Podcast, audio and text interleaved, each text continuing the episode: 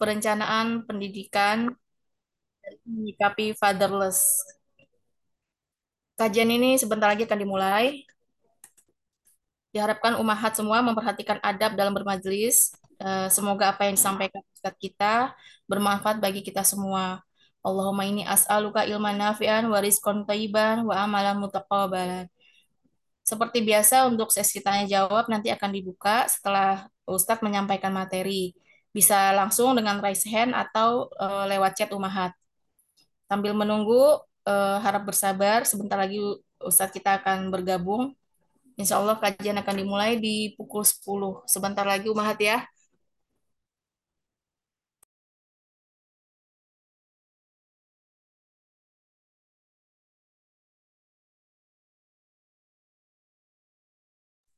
Alhamdulillah eh, Ustadz kita, Ustadz Abu Salma sudah bergabung.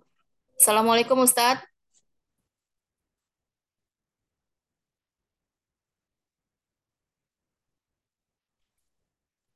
Waalaikumsalam warahmatullahi wabarakatuh. Suara saya kedengaran? Jelas Ustadz, Alhamdulillah. Alhamdulillah. Ustadz. Baik. Kita mulai ya. Bismillah. Assalamualaikum warahmatullahi wabarakatuh. Innal hamdalillah nahmaduhu wa nasta'inuhu wa nastaghfiruh wa natubu ilaih wa na'udzu billahi min shururi anfusina wa min sayyiati a'malina. Man yahdihillah fahuwal muhtad wa man yudlil falan tajid lahu waliyan murshida. Ashhadu an la ilaha illallah wahdahu la sharika lah وأشهد أن محمدا عبده ورسوله لا نبي بعده.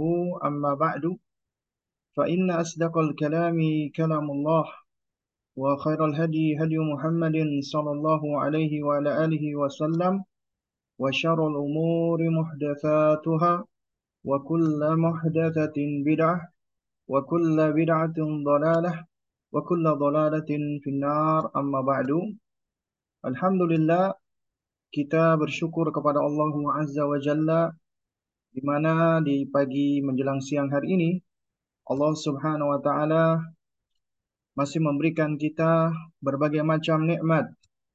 Allah izinkan kita untuk terus belajar talabul ilm, tafaqquh din dan ini adalah taufik yang merupakan nikmat yang paling besar yang Allah karuniakan bagi hambanya. Karena tidak ada karunia dan nikmat yang Allah berikan kepada hambanya di muka bumi ini yang lebih besar, lebih agung, lebih dahsyat daripada taufiknya, hidayahnya. Karena insya Allah dengan taufik dan hidayah inilah kita akan memiliki kehidupan yang lebih bermakna, memiliki kehidupan yang lebih berarti, memiliki kehidupan yang lebih terarah. Kita tahu tujuan hidup kita, kita tahu untuk apa kita hidup. Kita tahu untuk apa kita beramal, beraktivitas. Dan kita akan senantiasa mendapatkan bimbingan dari Allah di dalam setiap aktivitas kita. Meskipun berbagai macam ujian-ujian menerpa. Meskipun ya gelombang badai cobaan menghadang. Insya Allah dengan ilmu yang Allah karuniakan, yang merupakan taufik Allah, kita akan mampu untuk tetap tegar di dalam menghadapi kesemua itu. Bahkan dengan adanya ujian itu, kita akan lebih banyak belajar. Kita akan lebih tangguh, lebih kuat, lebih sabar, lebih tegar. Dan dengan selesainya ujian itu, kita akan menjadi sosok yang lebih baik lagi. Meskipun ujian berikutnya datang menerpa, kita akan lebih kuat kembali. Itu semua tidak lepas dari karunia Allah. Karena di sana ada manusia-manusia yang ketika diuji oleh Allah dengan ujian yang ringan, mereka sudah jatuh, terkapar, tenggelam. Mereka depresi, stres, ingin mengakhiri hidupnya, merasakan bahwasanya kehidupan dunia ini semuanya adalah kesulitan semata. Kenapa? Karena hatinya kosong dari zikrullah. Karena hatinya kosong dari Allah. Padahal Allah Subhanahu wa taala menciptakan hati, menciptakan qalbun tidak lain dan tidak bukan adalah untuk mengenal Allah, mencintai Allah dan untuk mengabdi kepada Allah. Dan alhamdulillah Allah berikan kita taufik yaitu berupa ya ilmu. Taufik untuk senang belajar, untuk menuntut ilmu tafaqquh fid din. Dan ini merupakan tanda kebaikan dari Allah sebagaimana yang Allah subhan sebagaimana yang Rasulullah sallallahu alaihi wa alihi wasallam Allahumma salli wa sallim wa barik sabdakan man yuridillahu bihi khairan yufaqihu fid din siapa yang Allah kehendaki baginya kebaikan Allah akan jadikan dia ngerti paham faqih tentang urusan agamanya artinya sebaliknya apabila Allah menghendaki keburukan bagi seseorang, Allah jadikan dia nggak ngerti agama. Bodoh tentang urusan agamanya, meskipun dia profesor, doktor, insinyur, dokter, ya dengan jabatan-jabatan status mentereng di dunia, tapi nggak ngerti agama, maka nggak ada kebaikan sama sekali. Ya, tapi orang-orang yang tafakku din, yang fakih di dalam agama, meskipun di dunia nggak punya apa-apa, tapi dia mulia di sisi Allah dan Allah jadikan kehidupan di dunianya mendapatkan ketenangan, ketentraman, kebahagiaan dan kesejahteraan. Itu semua nggak bisa dibeli dengan uang. Nah, para akhwat dan ummahat rahimani wa rahimakumullah. Di pagi menjelang siang hari ini kita insya Allah akan berbicara tentang sebagaimana flyer atau informasi yang telah disebarkan yaitu perencanaan pendidikan dalam menyikapi fatherless. Fatherless ini wakil, realita yang dialami oleh sejumlah negara, bahkan banyak negara. Tak terkecuali Indonesia. Konon katanya Indonesia menduduki peringkat ketiga ya, meskipun ada yang mengkritisi ah, di mana bukti klaim ini. Ya ala kulihal ya mau peringkat ketiga, kedua, kelima Indonesia kita bisa saksikan memang nggak lepas dari yang namanya fatherless. Kita bisa saksikan di situ banyak sekali anak-anak muda yang kehilangan sosok ayahnya. Mereka menjadi anak-anak yang gampang cemas, gampang gelisah, gampang depresi, gampang stres, kemudian mengalami gangguan-gangguan kejiwaan, gangguan uh, emosional, bahkan gangguan seksualitas, gangguan orientasi seksual. Itu semua nggak lepas dari ya peran ayah yang hilang. Ya. Nah, terus kemudian juga ada di sisi lain ya ada sebagian orang yang menganggap bahasan fatherless itu adalah bahasan uh, untuk meningkatkan uh, engage di media-media sosial. Ya dalam rangka untuk mencari materi-materi yang viral atau yang viral. Ya. Nah, kita nggak bisa pungkiri ketika hal ini viral, ini menunjukkan akan ya realita dan kesadaran sebagian dari kaum muslimin atau sebagian dari netizen dan nggak bisa dipungkiri gitu loh. Jadi adapun orang-orang yang menganggap bahwasanya pembahasan fatherless itu cuma untuk meningkatkan animo dan lain sebagainya, maka kita jawab ya bahwasanya kullu inain ya bima fihi yamdah setiap wadah itu akan menumpahkan apa yang ada di dalamnya. Artinya ketika ada orang punya anggapan seperti itu, maka jangan dia asumsikan orang lain juga punya anggapan yang sama dengan dirinya. Artinya ketika dia punya anggapan, ketika dia bikin konten fatherless hanya untuk uh, meningkatkan uh, media sosialnya dia, ya engagement di media sosial dia, maka itu ya mungkin adalah isi yang tumpah dari dari aktivitas dia. Tapi bukan artinya yang lain juga sama gitu loh. Karena kita nggak bisa pungkiri fenomena fatherless ini fenomena yang wakil, yang nyata, yang realita.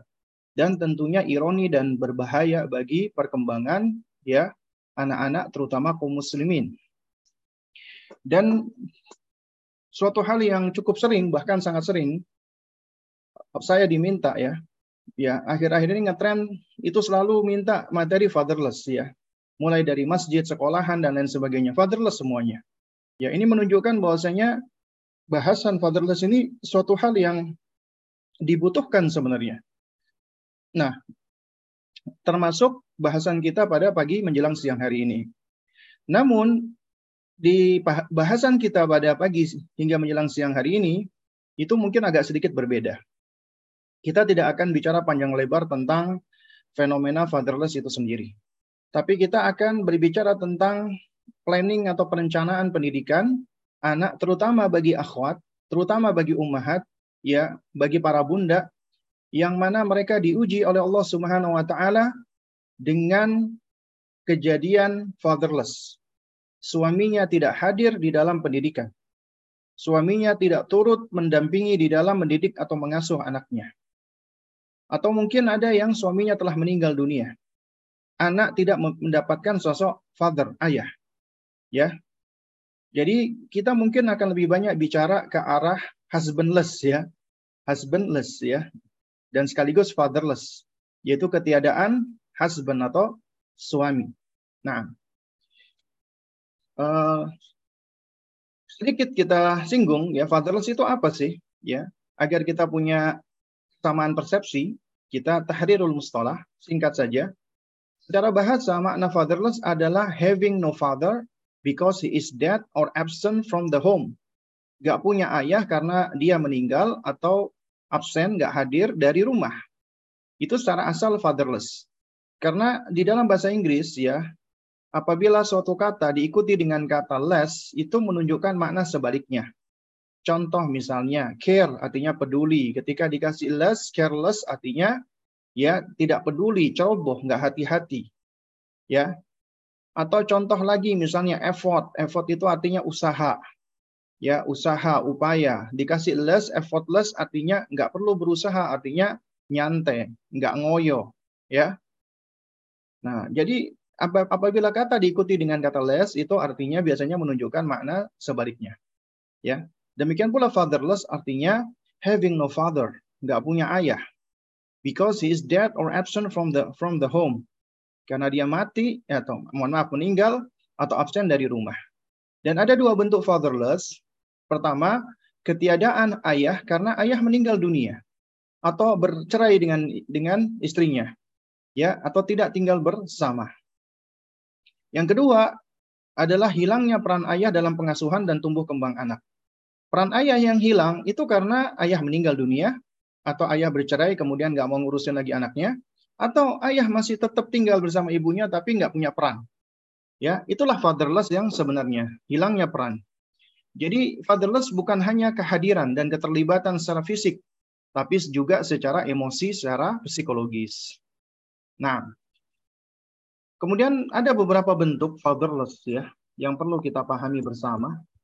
Ya, yaitu yang pertama adalah fatherless dalam dalam hal disfungsi peran ayah. Artinya ayah yang tidak lagi memiliki fungsi yang semestinya, tidak lagi ya memiliki fungsi dan peran yang seharusnya yaitu ayah yang tidak memiliki waktu yang berkualitas, quality time.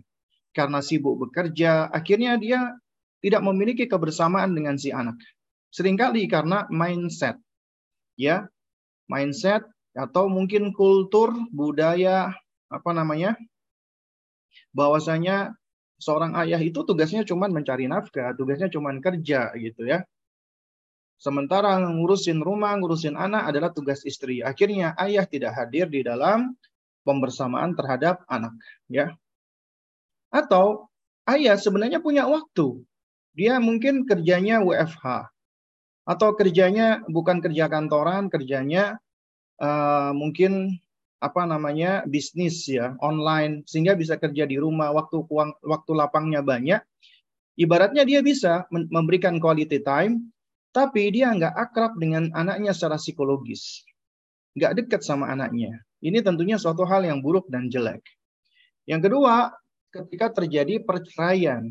ya Ketika udah bercerai, mantan istri ada, mantan suami ada, mantan anak tidak ada. Artinya ketika suami istri itu sudah tidak lagi bersatu sebagai suami istri, udah bercerai, tapi tetap kewajiban untuk menafkahi, membimbing dan mendidik serta membersamai anak itu tetap berlangsung. Ya. Karenanya ketika bercerai ada ayah-ayah nggak fokus lagi, nggak mau lagi mendampingi anaknya, ya anak dari mantan istrinya. Ya, anaknya dia juga. Ya, atau akhirnya anak yang menolak untuk didampingi oleh ayah karena merasa jengkel, dendam, marah akibat perceraian. Kesel dia sama ayahnya. Bisa jadi karena memang dia menyaksikan atau bisa jadi karena ada peran ibu yang yang menjelek-jelekkan sang ayah. Tentunya ini suatu hal yang tidak baik. Atau ketiga terjadi kematian. Sang ayah meninggal sehingga anak tidak mendapatkan figur atau peran ayah atas kematian dari ayahnya. Ini semua adalah bentuk fatherless. Tapi yang paling parah adalah disfungsi peran ayah. Ayah ada, tapi wujuduhu ka'adamihi. Ada nggak adanya sama aja. ya Itu yang paling berbahaya. Bahkan ini termasuk bentuk dari ayah-ayah yang pengkhianat ayah-ayah yang khan yang suka berkhianat. Ya, wal billah. Nah, oleh karenanya bagaimana cara menfungsikan kembali peran ayah? Ya, jadi perlu yang namanya refungsionalisasi ya, bahasa kerennya begitu katanya ya. Kita perlu menfungsikan kembali ya father's role ya peran ayah. Yaitu bagaimana caranya? Ya ini untuk yang bukan meninggal dunia ya. Karena kalau meninggal dunia itu memang suatu hal yang yang apa ya, memang ya udah udah nggak bisa diubah karena sudah meninggal dunia, ya. Jadi satu-satunya solusi adalah apa? Adalah harus menghadirkan ketika ya ayahnya sudah meninggal. Nah, tapi ini kita bicara tentang ayah itu masih hidup, masih ada, tapi nggak mau turut serta di dalam pengasuhan peng, mereka cenderung mengabaikan, melakukan pengabaian kepada anak. Itu banyak faktor sebenarnya. Karena mindset yang keliru, kultur atau budaya, karena egois, atau yang semisalnya. Karena itulah untuk merefungsionalisasikan peran ayah, di situ perlu untuk pertama membangun mindset paradigma bahwa pendidikan anak tanggung jawab berdua suami dan istri, bukan tanggung jawab istri doang. Wong anak itu lahirnya dari upaya berdua, nggak mungkin istri hamil tanpa ada peran suaminya. Nggak mungkin. Kecuali Allah menghendaki lain dan itu pun juga kejadian-kejadian spesial yang hanya dialami oleh orang-orang yang spesial seperti Ibunda Maryam alaihissalam. Adapun kita apa spesialnya? Ya, artinya ketika wanita hamil maka pasti ada yang menghamili. Ya, dan yang menghamili dalam keluarga dari istri tentunya suaminya. Ya. Dan kehamilan itu maka menjadi amanat bagi bagi keduanya. Allah amanatkan kepada ibu mengandung, nanti melahirkan dan menyusui, ayah bertugas untuk memelihara, menjaga istrinya agar bisa ya mengandung, melahirkan, dan menyusui dengan baik. Karena yang harus dibangun mindset. Pendidikan itu tanggung jawab bersama, tanggung jawab berdua, bukan tanggung jawab salah satunya. Itu mindset yang keliru. Kemudian yang kedua, hendaknya para ayah, para suami menumbuhkan ikhlas di dalam hati dan ketulusan jiwa bahwa di dalam pendidikan, pengasuhan, bimbingan, parenting ya terhadap anak itu sejatinya adalah ibadah. Karena itu bagian dari ad-da'watu ilallah, dakwah mengajak kepada Allah. Pendidikan itu ibadah. Maka harus hadirkan ikhlas di dalam hati. Di dalamnya penuh dengan ya ujian dan cobaan, upaya, semangat, ya dan ilmu Karenanya harus menumbuhkan keikhlasan hati. Kemudian hendaknya para ayah membekali diri dengan ilmu pengasuhan dan pendidikan yang sesuai dengan Islam yang berlandaskan Al-Quran dan Sunnah.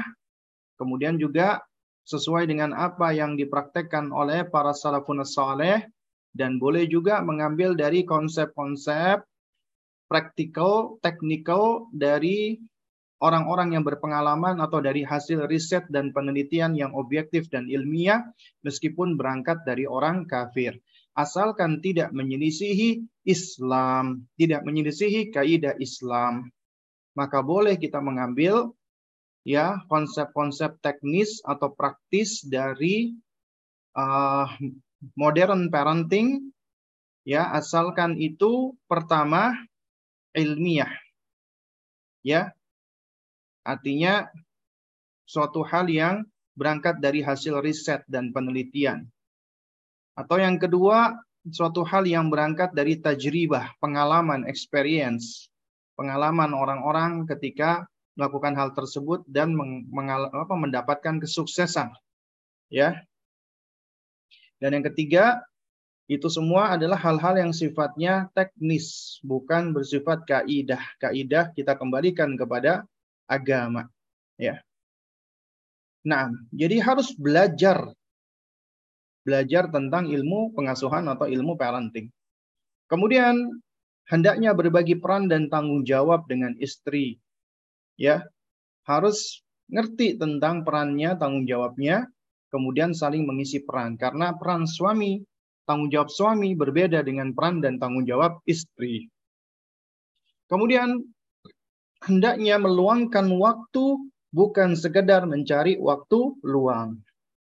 Ya. Karena waktu yang Anda miliki itu anak punya hak dari waktu tersebut untuk Anda bersamai anda didik, Anda nasihati, ya Anda bermain dengannya. Jadi waktu Anda itu bukan sekedar Anda habiskan untuk diri Anda, itu orang tua egois, itu ayah yang egois. Juga bukan mencari-cari waktu luang, tapi harus meluangkan waktu. Beda ya mencari waktu luang dengan meluangkan waktu. Mencari waktu luang itu berarti dia tidak menjadikan ya membersamai anak itu sebagai prioritas. Tapi meluangkan waktu, dia jadikan membersamai anak itu sebagai prioritas sehingga dia akan berusaha untuk meluangkan waktunya. Kemudian ketika meluangkan waktu, berikan quality time, bukan cuma sekedar quantity. Ya, karena quality time itulah yang lebih bermanfaat. Itu ada konsep namanya GEM, Genuine Encounter Moment. Ya, ada penelitian yang dilakukan ya di US Amerika terhadap orang tua orang tua pekerja, orang tua orang tua berkarir, ya dan orang tua yang yang nggak bekerja, artinya mungkin kerja tapi lebih banyak waktunya di rumah. Ternyata orang tua yang yang memberikan perhatian kepada anaknya hanya 15 menit saja dalam sehari, tapi itu quality time, mereka sebut dengan genuine encounter moment, ya. Genuine encounter moment yaitu momen pertemuan yang genuine yang yang asli. Artinya ya kita di situ benar-benar fokus kita taruh handphone kita buku kita semua hal-hal yang berkaitan dengan urusan-urusan kerjaan atau yang semisalnya kita letakkan kemudian kita fokus bersama apa bermain dan membersamai anak kita ya Nah, jadi bermain dan membersamai anak kita. Nah. Ini kenapa ini? Apa suara saya nggak jelas kah?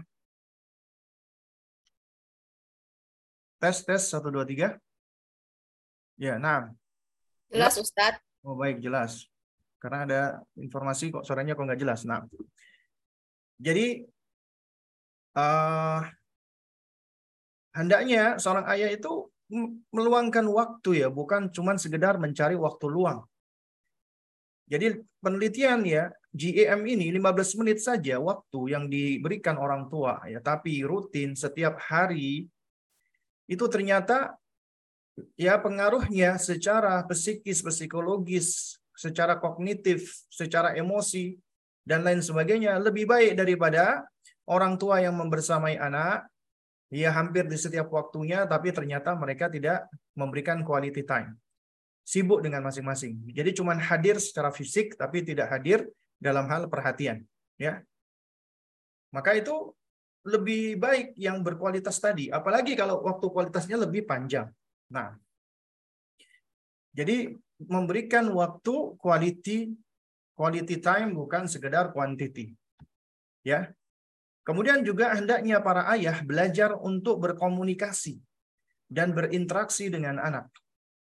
Karena di dalam berbicara dengan anak-anak itu perlu metode, perlu cara, teknik yang nggak sama ya, yang berbeda tentunya antara anak laki-laki dan anak ya, maksud saya antara anak yang kecil dengan anak yang misalnya anak umur 3 tahun, 5 tahun, 9 tahun, 12 tahun gitu ya. Sebentar ya, sebentar.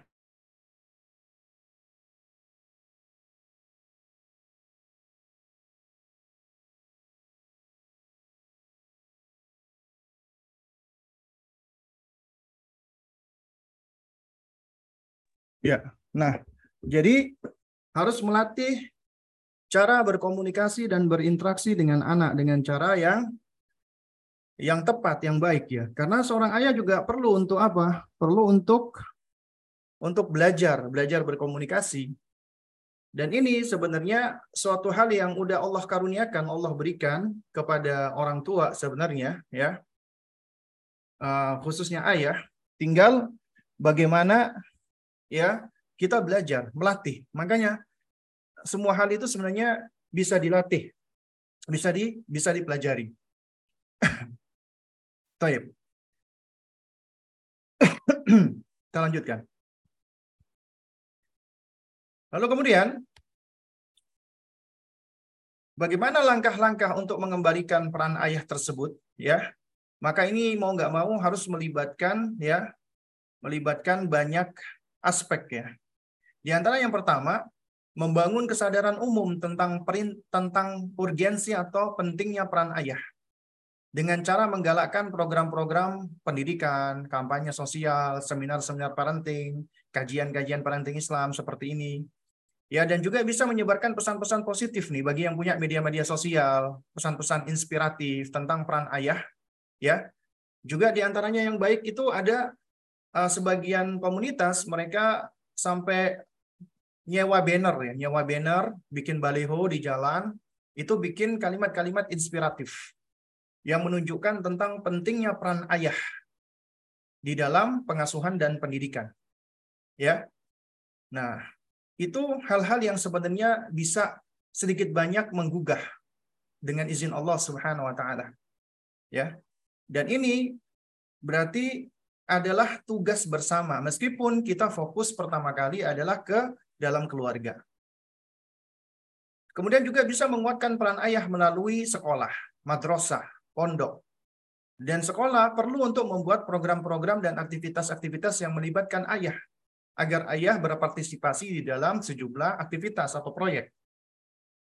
Jadi memberikan kesempatan kepada ayah untuk misalnya menjadi volunteer, apa sukarelawan untuk uh, acara ekstrakurikuler atau acara tematik ya. Atau acara sehari bersama ayah atau yang semisalnya ya. Jadi ini di antara hal-hal yang cukup memberikan manfaat. Kemudian juga hendaknya dari pemerintah ya itu bisa bisa juga turut galak melakukan program-program pendidikan dan pelatihan jadi pemerintah dan lembaga pendidikan itu bisa menyediakan program-program pendidikan dan pelatihan khusus bagi ayah yang mencakup keterampilan parenting yang efektif dan strategi komunikasi yang baik. Artinya di sini pemerintah, institusi, lembaga termasuk lembaga pendidikan atau komunitas ketika mereka membuat ya semacam pelatihan, daurah, seminar, akademi ya untuk orang tua, untuk ibu, untuk ayah itu suatu hal yang baik ya. Dan ini juga bisa menjadi salah satu sebab langkah-langkah di dalam mengembalikan peran ayah, membangun kesadaran. Kemudian juga ya syukur-syukur kalau ada kebijakan dukungan dari pemerintah ya yaitu yang mendukung keterlibatan ayah di dalam keluarga. Nah, misalnya uh, dari pemerintah ya dan juga perusahaan itu memberikan adanya kebijakan cuti ya bagi ayah ketika ada acara-acara ya di sekolahnya atau acara-acara yang melibatkan anak. Ya, kemudian diizinkan untuk cuti. Kenapa? Karena ya biar bagaimanapun juga anak itu adalah aset negara. Ya. Sehingga dalam hal ini tentunya pemerintah dan juga perusahaan ya itu harus menyadari apabila si ayah ini adalah aset bagi perusahaannya, maka tentunya anaknya juga aset ya karena apabila anaknya baik maka insya Allah ya sang ayah ini juga akan baik ya. Jadi dari sisi apa produktivitasnya itu juga ya diharapkan juga akan baik. Nah, kemudian perlu adanya kolaborasi pemerintah, sekolah, masyarakat, ya, komunitas, lembaga, institusi, ya, khususnya ketika terjadi fenomena-fenomena fatherless, ya. Dan dalam hal ini suatu hal yang baik ya apabila apa apa pemerintah daerah ataupun elemennya mulai dari RT, RW, lurah, camat dan seterusnya itu menginisiasi program-program ya yang mengajarkan pengasuhan melibatkan ayah dan memberikan dukungan, apalagi ada dukung, dukungan finansial ya untuk uh, implementasinya. Maka ini tentunya suatu hal yang baik untuk bisa mengembalikan peran ayah. Nah, sekarang bagaimana bagi para ummahat, bagi para akhwat, bagi para bunda itu yang mengalami husbandless. Ya, awalnya husbandless, nanti ujung-ujungnya fatherless. Jadi mereka ditinggalkan oleh suami.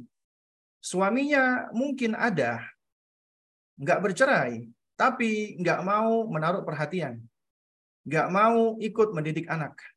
Suaminya egois. Allah uji dengan suami seperti ini. Ya, lalu apa yang harus dilakukan oleh istri? Ya, dalam hal ini. Nah, ini ada beberapa langkah ya. Dan kita bicara di sini ya fokus kita bukan menghadapi suami ya, tapi bagaimana kita tetap berusaha untuk mendidik anak kita agar uh, anak kita itu tetap mendapatkan figur seorang ayah. Nah, juga termasuk bagi wanita-wanita yang diceraikan misalnya atau istri, apa suaminya meninggal dunia, ya. Yang pertama adalah kunci dari kesemuanya ini bangun pondasi kekuatan jiwa Anda. Ya, bangun pondasi kekuatan jiwa Anda. Sebagai manusia, Allah sudah berikan Anda kekuatan, tapi kekuatan Anda terbatas. Dan kekuatan Anda itu memiliki sebab-sebab agar Anda bisa semakin kuat atau malah semakin lemah. Dan kekuatan itu memiliki pondasi. Sebagaimana bangunan, ya, bangunan itu biasanya semakin kuat apabila pondasinya semakin menancap kuat. Karenanya, ya manusia juga perlu dibangun. Anda juga perlu membangun diri Anda, jiwa Anda. Ya, dan tidak ada cara yang efektif untuk membangun pondasi kekuatan jiwa Anda kecuali dengan mendekat kepada pencipta jiwa Anda dan pencipta diri Anda, yaitu Allah. Karena la haula wa la quwata illa billah. Tidak ada daya, tidak ada kekuatan, ya itu kecuali hanyalah dengan pertolongan Allah Subhanahu wa taala. Sehingga siapa pun dari hamba Allah yang mendekat kepada Allah, bertakarrub kepada Allah, memohon kepada Allah, ya, kemudian apa namanya bermunajat kepadanya, memohon bantuan pertolongannya, melainkan Allah akan menolong dan menguatkan dirinya. Kemudian juga dengan cara mempelajari agamanya dengan lebih mendalam. Belajar tentang Islam lebih mendalam. Tafakku fiddin. Secara taksilan wa tafsilan. Secara terperinci dan secara sistematis. Karena seseorang apabila dia semakin mendalami agamanya, maka akan semakin kuat pondasinya, akan semakin kuat jiwanya. Kemudian juga memperbanyak ibadah kepada Allah dengan keikhlasan, banyak berzikir, tilawatul Quran, tadabbur Al-Quran, ya. Nah, ini di antara hal-hal yang dapat membangun pondasi kekuatan jiwa kita. Nah, karena apabila pondasi kekuatan jiwa kita, maka kita hanya akan bersandar kepada zat yang maha kuat. Dan itulah Allah Subhanahu wa taala. Dialah Allah yang akan senantiasa menguatkan kita. Karena apabila kita bersandar kepada yang maha kuat, maka kita pun akan kuat. Sebaliknya apabila kita bersandar kepada makhluk yang lemah, makhluk yang doaif, maka yang terjadi adalah kita akan kecewa. Kita akan sedih. Ya, Nah, juga tidak ada kekuatan bagi jiwa melainkan dengan membangun koneksi dengan Sang Pencipta Allah Rabbul Alamin. Dengan kata lain, untuk membangun pondasi kekuatan jiwa Anda adalah bangun koneksi Anda dengan Sang Pencipta. Kuatkan koneksi tersebut. Kuatkan attachment Anda dengan Allah Subhanahu wa taala. Karena itu akan menjadi pondasi yang paling fundamental, pondasi yang paling asasi yang akan membangun diri Anda, jiwa Anda, mental Anda, emosi Anda, fisik Anda, dan kesemua apa yang ada di dalam diri Anda. Karena ketika Anda mendekat kepada Allah, Anda membangun koneksi dengan baik kepada Allah, maka Anda akan menjadi hamba yang paling tahu ya, yang paling kenal dengan Allah. Sehingga Anda menjadikan hidup Anda adalah untuk Allah. Anda menjadikan semua aktivitas Anda adalah untuk Allah dan karena Allah. Maka Allah akan menolong Anda dan menguatkan diri Anda. Kemudian yang kedua, bangun kekuatan mental Anda. Ya. Betapa banyak manusia mungkin tampak fisiknya kuat, badannya segar. Tapi ternyata dia memiliki mental yang loyo, yang lemah, gampang depresi, gampang stres, gampang uh, frustasi. ya, intinya meskipun tubuhnya kelihatan sehat, tapi ternyata gampang depresi. Dan itu cepat atau lambat akan mempengaruhi fisiknya. Fisiknya pun juga akan down jatuh ketika mentalnya jatuh. Karena ya bangun kekuatan mental Anda. Untuk untuk menguatkan mental Anda memang kuncinya tadi yang pertama, membangun kekuatan jiwa. Dan Anda perlu belajar untuk mengenali diri Anda agar Anda mampu untuk mengendalikan emosi dan perasaan Anda. Artinya Anda perlu mempelajari apa sih yang memicu men-trigger emosi karena emosi itu ada pen-triggernya. Kemudian Anda juga perlu untuk menyadari apa yang sedang terjadi. Allah karuniakan kepada Anda kemampuan observasi, mendengar dan melihat. Dan Anda juga diberikan Allah kemampuan untuk meregulasi untuk bisa menangani emosi kemarahan dengan tepat ya. Kemudian latih mindset Anda di dalam menghadapi segala sesuatu dengan pijakan iman kepada takdir Allah dan yakini semua keputusan Allah itulah yang terbaik. Saat misalnya nih contoh ya Anda menikah, Anda punya ekspektasi. Tidak sesuai ekspektasi Anda dengan apa dengan uh, suami Anda, Anda belajar. Ya ternyata aku berekspektasi kepada manusia itu Aku hanya mendapatkan kekecewaan. Ya. Jadi aku kecewa ketika aku berekspektasi kepada manusia. Makanya dari situ kita belajar nggak perlu kita membangun ekspektasi kepada manusia. Ya, hendaknya kita bersandar hanya kepada Allah. Kemudian kita juga belajar nih ketika suami misalnya menceraikan kita. Ya. Akhirnya kita belajar siapa pun orang yang awalnya mungkin kita sayangi, kita cintai, tetap dia bisa datang dan pergi. Dan bisa jadi mungkin kita cinta tapi hanya bertepuk sebelah tangan. Dia nggak sayang, nggak cinta sama kita. Tapi ketika kita cinta sama Allah, Allah akan mencintai kita. Tidak ada yang namanya cinta bertepuk sebelah tangan ketika kita mencintai Allah, menyayangi Allah. Satu-satunya yang tidak akan pergi dari kita hanya Allah. Semua makhluk akan datang dan pergi. Itulah yang akan membangun kekuatan mental kita. Juga iman kepada takdir Allah yang baik dan yang buruk. Semua apa pun yang terjadi nggak lepas dari ketentuan Allah.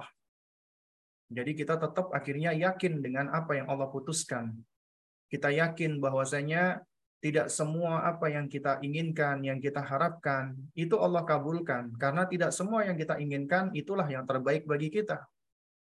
Di sisi lain, Allah akan memberikan apa yang baik untuk kita, apa yang sesuai dengan kebutuhan kita, keadaan kita.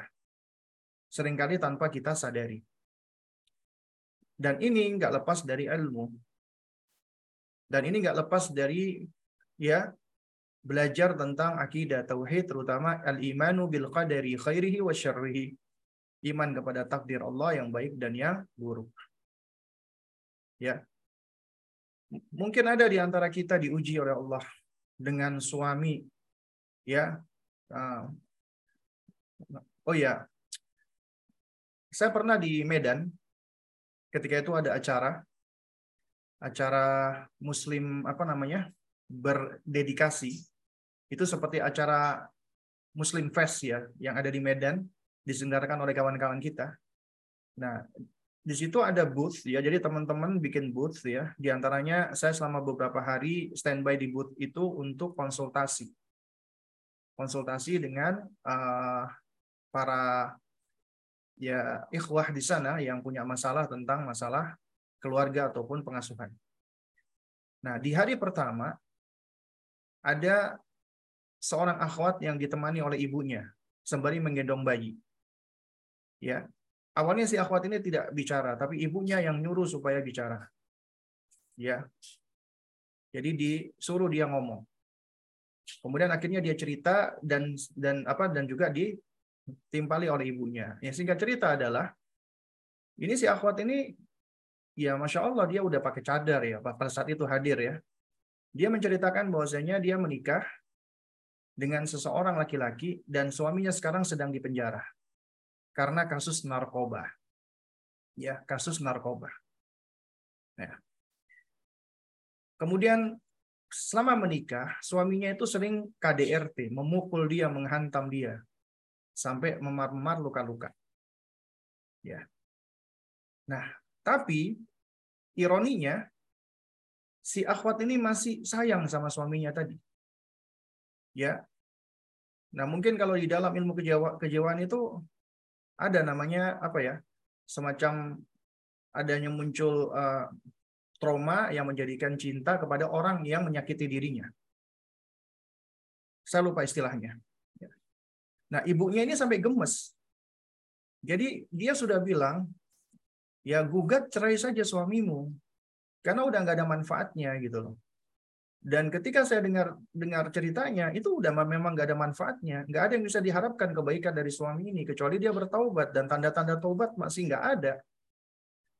Yang ada adalah dia di penjara, dia masih sering telepon, minta kirim uang untuk beli rokok, untuk beli ini. Istrinya ketika datang itu masih dibentak-bentak di penjara, dibui.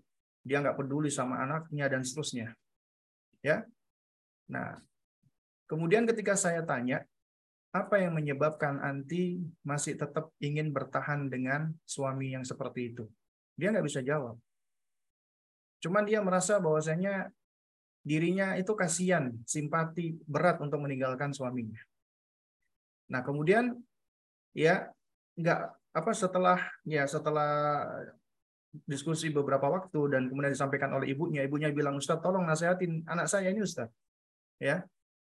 Nah, jadi singkat cerita adalah apa? Singkat cerita ternyata saya menduga si akhwat ini dia adalah uh, dalam kondisi yang nggak bisa menghargai dirinya sendiri. Dia kurang bisa menghargai dirinya sendiri. Ya. Sehingga dia nggak begitu memperhatikan ketika dirinya disakiti secara fisik, ya, secara mental, di abuse. Akhirnya dia nggak begitu nggak begitu memperhatikan. Dia seakan-akan kayak saya ridho, saya ikhlas. Itu bukan ridho dan ikhlas. Ketika disakiti seperti itu, karena tubuh Anda, saya sampaikan, tubuh anti punya hak. Anti itu punya hak yang Allah berikan yang harus dijaga. Baik itu hati, mental, dan seterusnya. Ya. Nah, jadi maksud saya di sini adalah apa? Ini adalah salah satu ya sepertinya gangguan mental. Ya. Udah disakiti seperti itu tapi tetap masih ingin ya bersama dengan pasangannya yang posesifnya luar biasa, ada kecenderungan narsisnya, suka menyakiti, suka manipulasi. Memang kata ibunya, habis mukulin anaknya, dia kayak apa namanya kayak minta maaf kayak tapi kemudian ujung-ujungnya tuh disalahkan istrinya kamu kalau seandainya nurut sama aku aku nggak akan pukul kamu nggak mungkin aku pukul kamu aku sayang sama kamu cuman karena kamu begini aku pukul kamu ya jadi gaya-gayanya seperti itu itu gaya-gaya orang-orang yang mengalami apa? Mengalami apa namanya? NPD. Ya.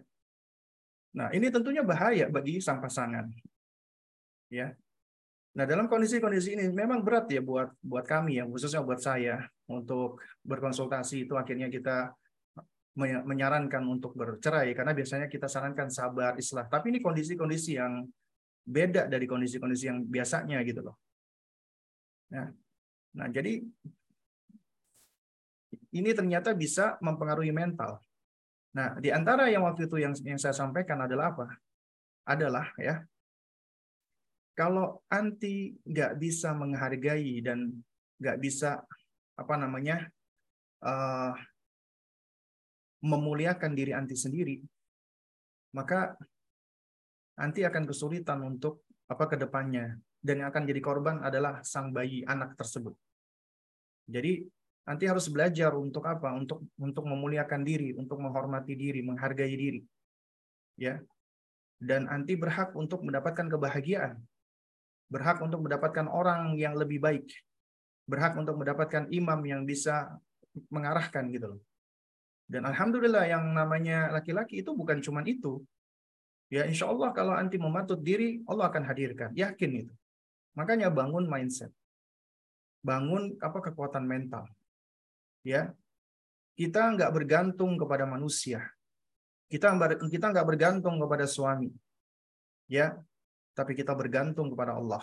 Tapi secara sebab ya bolehlah kita misalnya bergantung nafkah itu tapi secara sebab saja tapi secara mutlak kita bergantung kepada Allah.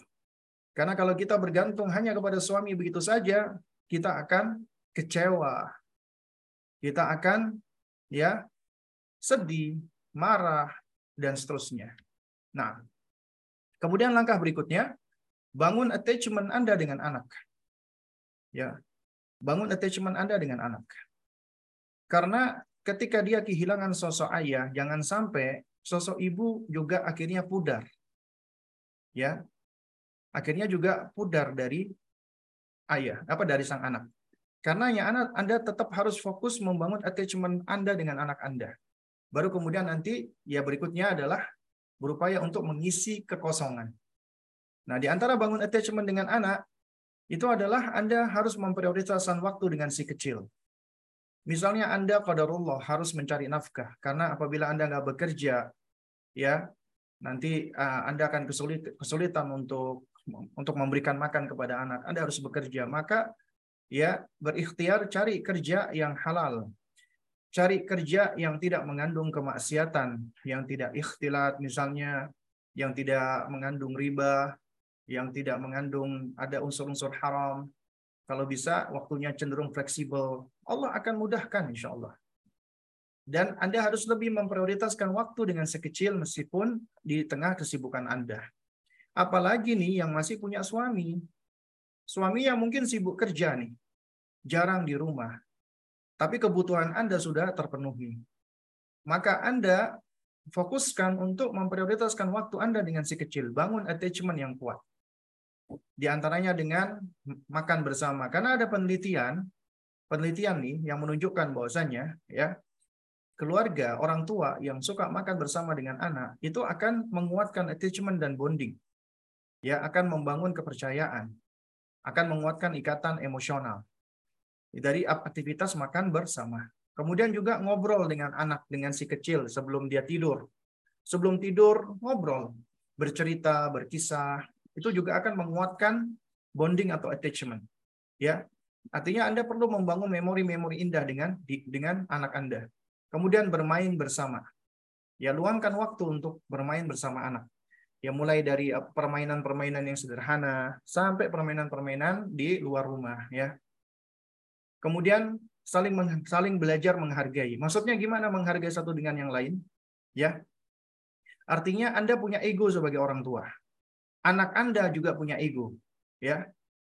Ego Anda, Anda kepingin anak Anda itu nurut sama Anda. Taat sama Anda. Nggak mau ngebantah Anda. Egonya anak, dia pingin dia bermain-main, dia kepingin dia nggak nggak diatur-atur dan lain sebagainya. Apa artinya?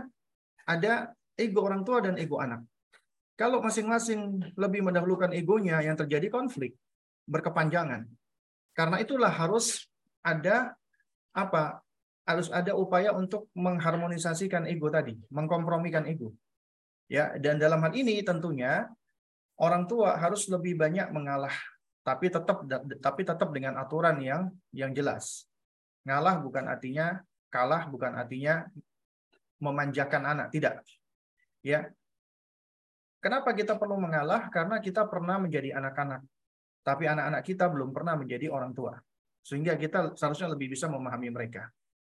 Kemudian juga izinkan mereka untuk membantu pekerjaan rumah. Kita berikan mereka kepercayaan. Ingat ya, bedakan antara Anda nyuruh mereka untuk melakukan pekerjaan rumah dengan Anda izinkan mereka berikan kepercayaan untuk melakukan pekerjaan rumah. Beda. Meskipun sama-sama aktivitasnya sama nih. Bersihkan kamar misalnya, merapikan tempat tidur, sama aktivitasnya. Tapi ya itu meskipun aktivitas sama, tapi kalau caranya pendekatannya berbeda, maka juga hasilnya berbeda. Ibu yang cuma nyuruh anak, sekedar nyuruh merintah, dengan ibu yang memberikan kepercayaan, ya. Kalau nyuruh cuma sekedar nyuruh, tapi kalau memberikan kepercayaan, berarti dia dihasung, dibesarkan hatinya. Ya, nak, kamu nggak apa kamu mau nggak nak kamu apa namanya nolongin ibu misalnya, ya artinya dia melakukan pekerjaannya itu memang uh, kita didik untuk berangkat dari inisiatifnya dia, dari dari mubadarah, ya. Jadi dia merasa dia dihargai dan dipercayai oleh orang tuanya. Jadi pekerjaan itu bukan suatu hal yang menghimpit dia atau menekan dia, bukan. Kemudian banyak memeluk ya uh, si anak tadi, si kecil tadi, mengecup dia, membelai dia, tunjukkan kasih sayang. Dan kemudian tunjukkan rasa cinta setiap hari di antaranya selain dengan uh, dengan ini ya, dengan gestur, dengan perbuatan, dengan pelukan, dengan sentuhan, juga dengan ucapan. Ya. Karena ada penelitian yang menunjukkan orang tua yang setiap hari mengucapkan kata, ya, Umi sayang sama kamu nak, Umi cinta sama kamu, setiap pagi dan setiap malam itu akan menguatkan attachment dan bonding anak dengan orang tuanya. Ya, dibandingkan orang tua yang jarang ngomong. Nabi SAW sendiri itu menganjurkan bahkan kepada ya seorang muslim apabila dia mencintai saudaranya hendaknya diekspresikan dengan mengucapkan ini uhibbuka fillah. Nabi juga ketika mengajarkan Muaz bin Jabal doa, Nabi mengatakan ya Muaz ya ini uhibbuka fillah. Aku mencintai kamu karena Allah. Ya. Kemudian baru diajarkan doa. Doa yang dibaca setelah sholat ya. Nah Allahumma apa namanya? A'inni ala dzikrika wa syukrika wa husni ibadatik. Itu doa yang diajarkan kepada Muaz jadi perlu tunjukkan rasa cinta di antaranya dengan ucapan. Kemudian juga perlu berbicara tentang perasaannya. Kita tanya nak apa yang apa yang kamu rasain sekarang nak bagaimana perasaanmu hari ini nak bagaimana kamu tadi di sekolah ya kita kita tanyakan dia perasaannya agar dia mampu mengenali perasaan dan bisa menjelaskan, bisa mengidentifikasi dan bisa mengungkapkannya. Ya, itu itu suatu hal yang penting. Karena apabila ada hal-hal yang nggak nggak nyaman diungkapkan, maka akan lebih mudah untuk diselesaikan. Kemudian ciptakan memori yang indah setiap hari dengan si kecil, ya, dengan aktivitas-aktivitas yang fun, yang menyenangkan, itu untuk membangun attachment. Nah, kemudian temukan figur ayah yang lain. Ketika ayah itu hilang, maka cari figur ayah yang lain. Ya, ketika ayahnya meninggal dunia misalnya, jika ya masih memungkinkan dan insya Allah masih besar kemungkinan karena Allah menciptakan makhluknya berpasang-pasangan, ya tetap mematuk diri dan ya jika ada yang melamar misalnya, maka jika laki-laki itu baik, terima. Karena anak juga butuh figur ayah. Ya. Namun apabila itu tidak tidak memungkinkan, ya. Jadi jika suami itu pergi dari hidup Anda, baik secara fisik maupun emosional, maka carilah figur ayah yang lain. Ya, ketika Anda misalnya belum mungkin untuk menikah lagi, maka coba cari dari kakeknya anak kita, pamannya, atau orang lain di keluarga atau di luar keluarga. Ya, tentunya upayakan dulu yang menjadi mahram kita. Ya. Jadi misalnya kakeknya masih ada, ya kita bawa setiap minggu misalnya dua kali, tiga kali, agar anak kita itu berinteraksi dengan kakeknya, agar ada sosok ayah. Ya, agar ada ada sosok ayah. Jika tidak memungkinkan, maka kaidahnya ya sesuatu ya apabila tidak bisa diraih seluruhnya maka tidak ditinggalkan sebagiannya ya nah jadi kalau misalnya kakeknya nggak ada pamannya nggak ada saudara laki-laki kita nggak ada, nggak ada sosok laki-laki dari keluarga, maka bisa dengan cara yang lain. Kita bisa contoh yang dilakukan oleh ya ibunya Anas bin Malik. Ya, ya afwan, ibunya Imam Imam Malik bin Anas. Ibunya Imam Malik bin Anas. Itu beliau adalah seorang single mother.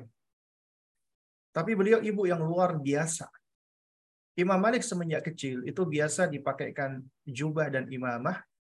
Kemudian beliau hantarkan ke masjid jami di majelisnya Imam Rabi'ah Kemudian beliau berpesan, Ya Malik, khudh adab Rabi'ah qabla an ta'khudha ilmahu. Wahai Malik, ambillah adabnya Rabi'ah sebelum engkau mengambil ilmunya. Au kama qala. Ya, au kama qalat ya. Jadi dicarikan guru atau tutor atau pengajar, nggak apa-apa, bagus itu.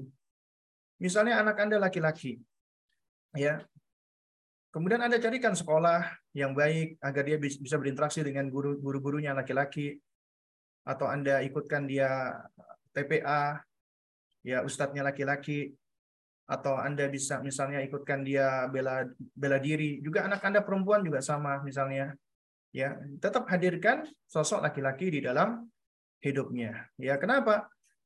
Karena anak itu butuh figur laki-laki figur ayah ya. Dan kehilangan figur ayah itu akan memunculkan ketimpangan. Dan kaidahnya itu tadi, kalau nggak bisa meraih seluruhnya, jangan ditinggalkan sebagiannya. Meskipun sedikit, asalkan ikhtiar, insya Allah mudah-mudahan ya itu bisa menjadi sebab. Kemudian belajar memaafkan dan move on. Ini juga penting nih. Ya, karena ketika Anda memaafkan orang lain, memang nggak semudah seperti membalikkan telapak tangan. Tapi dengan kita memaafkan suami, suami itu misalnya melakukan keburukan, ya asalnya berat untuk kita maafkan, tapi kita tetap belajar. Ya, itu bisa membebaskan kita dari emosi negatif. Di dalam pikiran yang sering kali itu akan mengungkung kita untuk berbuat baik. Sementara menaati suami, itu nggak ada kaitannya suami mau jelek, mau buruk, mau jahat, nggak ada kaitannya. Selama itu ketaatan ya tidak di dalam kemaksiatan, wajib istri menaati suami. Wajib. Gak ada kaitannya suami itu baik atau buruk. Kenapa? Karena ini perintah Allah dan Rasulnya. Seringkali cobaan bagi seorang wanita ketika dia hendak menaati suaminya adalah ketika suaminya menurutnya nggak baik, dia nggak mau taat.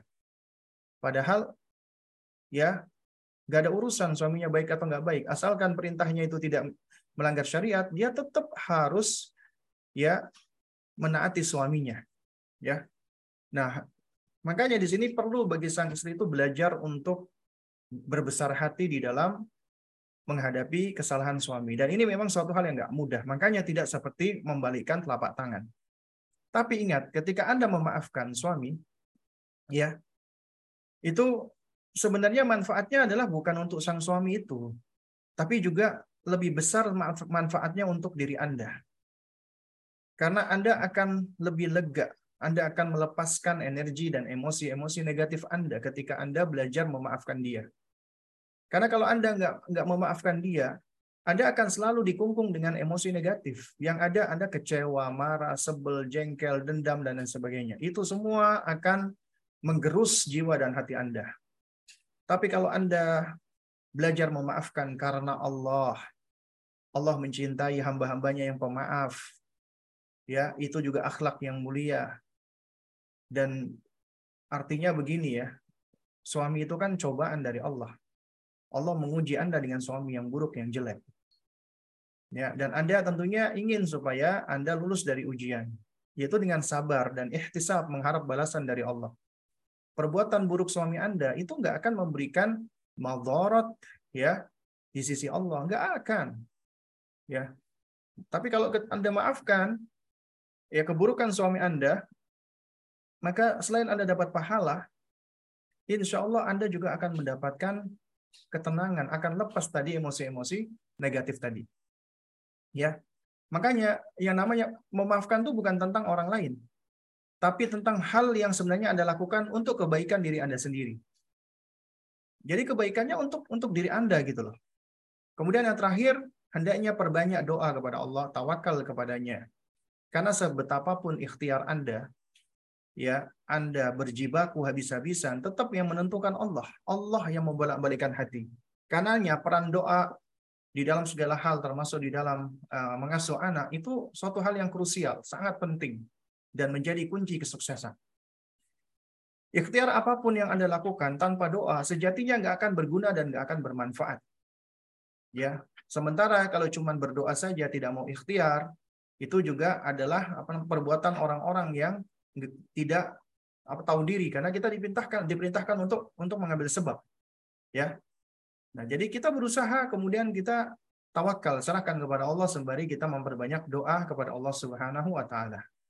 Ya, mungkin ini bisa disampaikan di kesempatan kita pada pagi hingga menjelang siang hari ini. Ya alhamdulillahi rabbil alamin walhamdulillahilladzi bi ni'matihi tatimmus shalihat. Allahumma 'allimna ma yanfa'una wanfa'na ma 'allamtana wa zidna ilma. Nah. Di sini ada beberapa pertanyaan ya seperti yang sudah masuk. Dan kita persilahkan ya bagi yang ingin bertanya langsung untuk raise hand ya. Sembari menunggu yang raise hand, Oh, ini ada yang resen, ya. Nah, sebentar saya stop share screen dulu supaya kelihatan. Ya, silakan. Ini Ibu Dini Samarin Samarinda.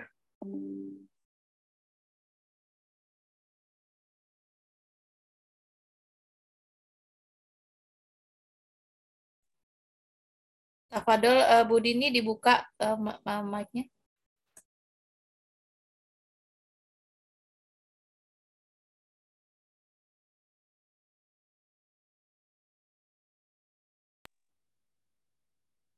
Assalamualaikum warahmatullahi wabarakatuh. Ya, Waalaikumsalam warahmatullahi wabarakatuh. Jazakallah khair Ustadz atas ilmunya. Semoga Ustadz dan keluarga senantiasa diberikan kesehatan. Yang ingin saya tanyakan adalah, uh, ini ada beberapa ya Ustadz yang saya alami pribadi.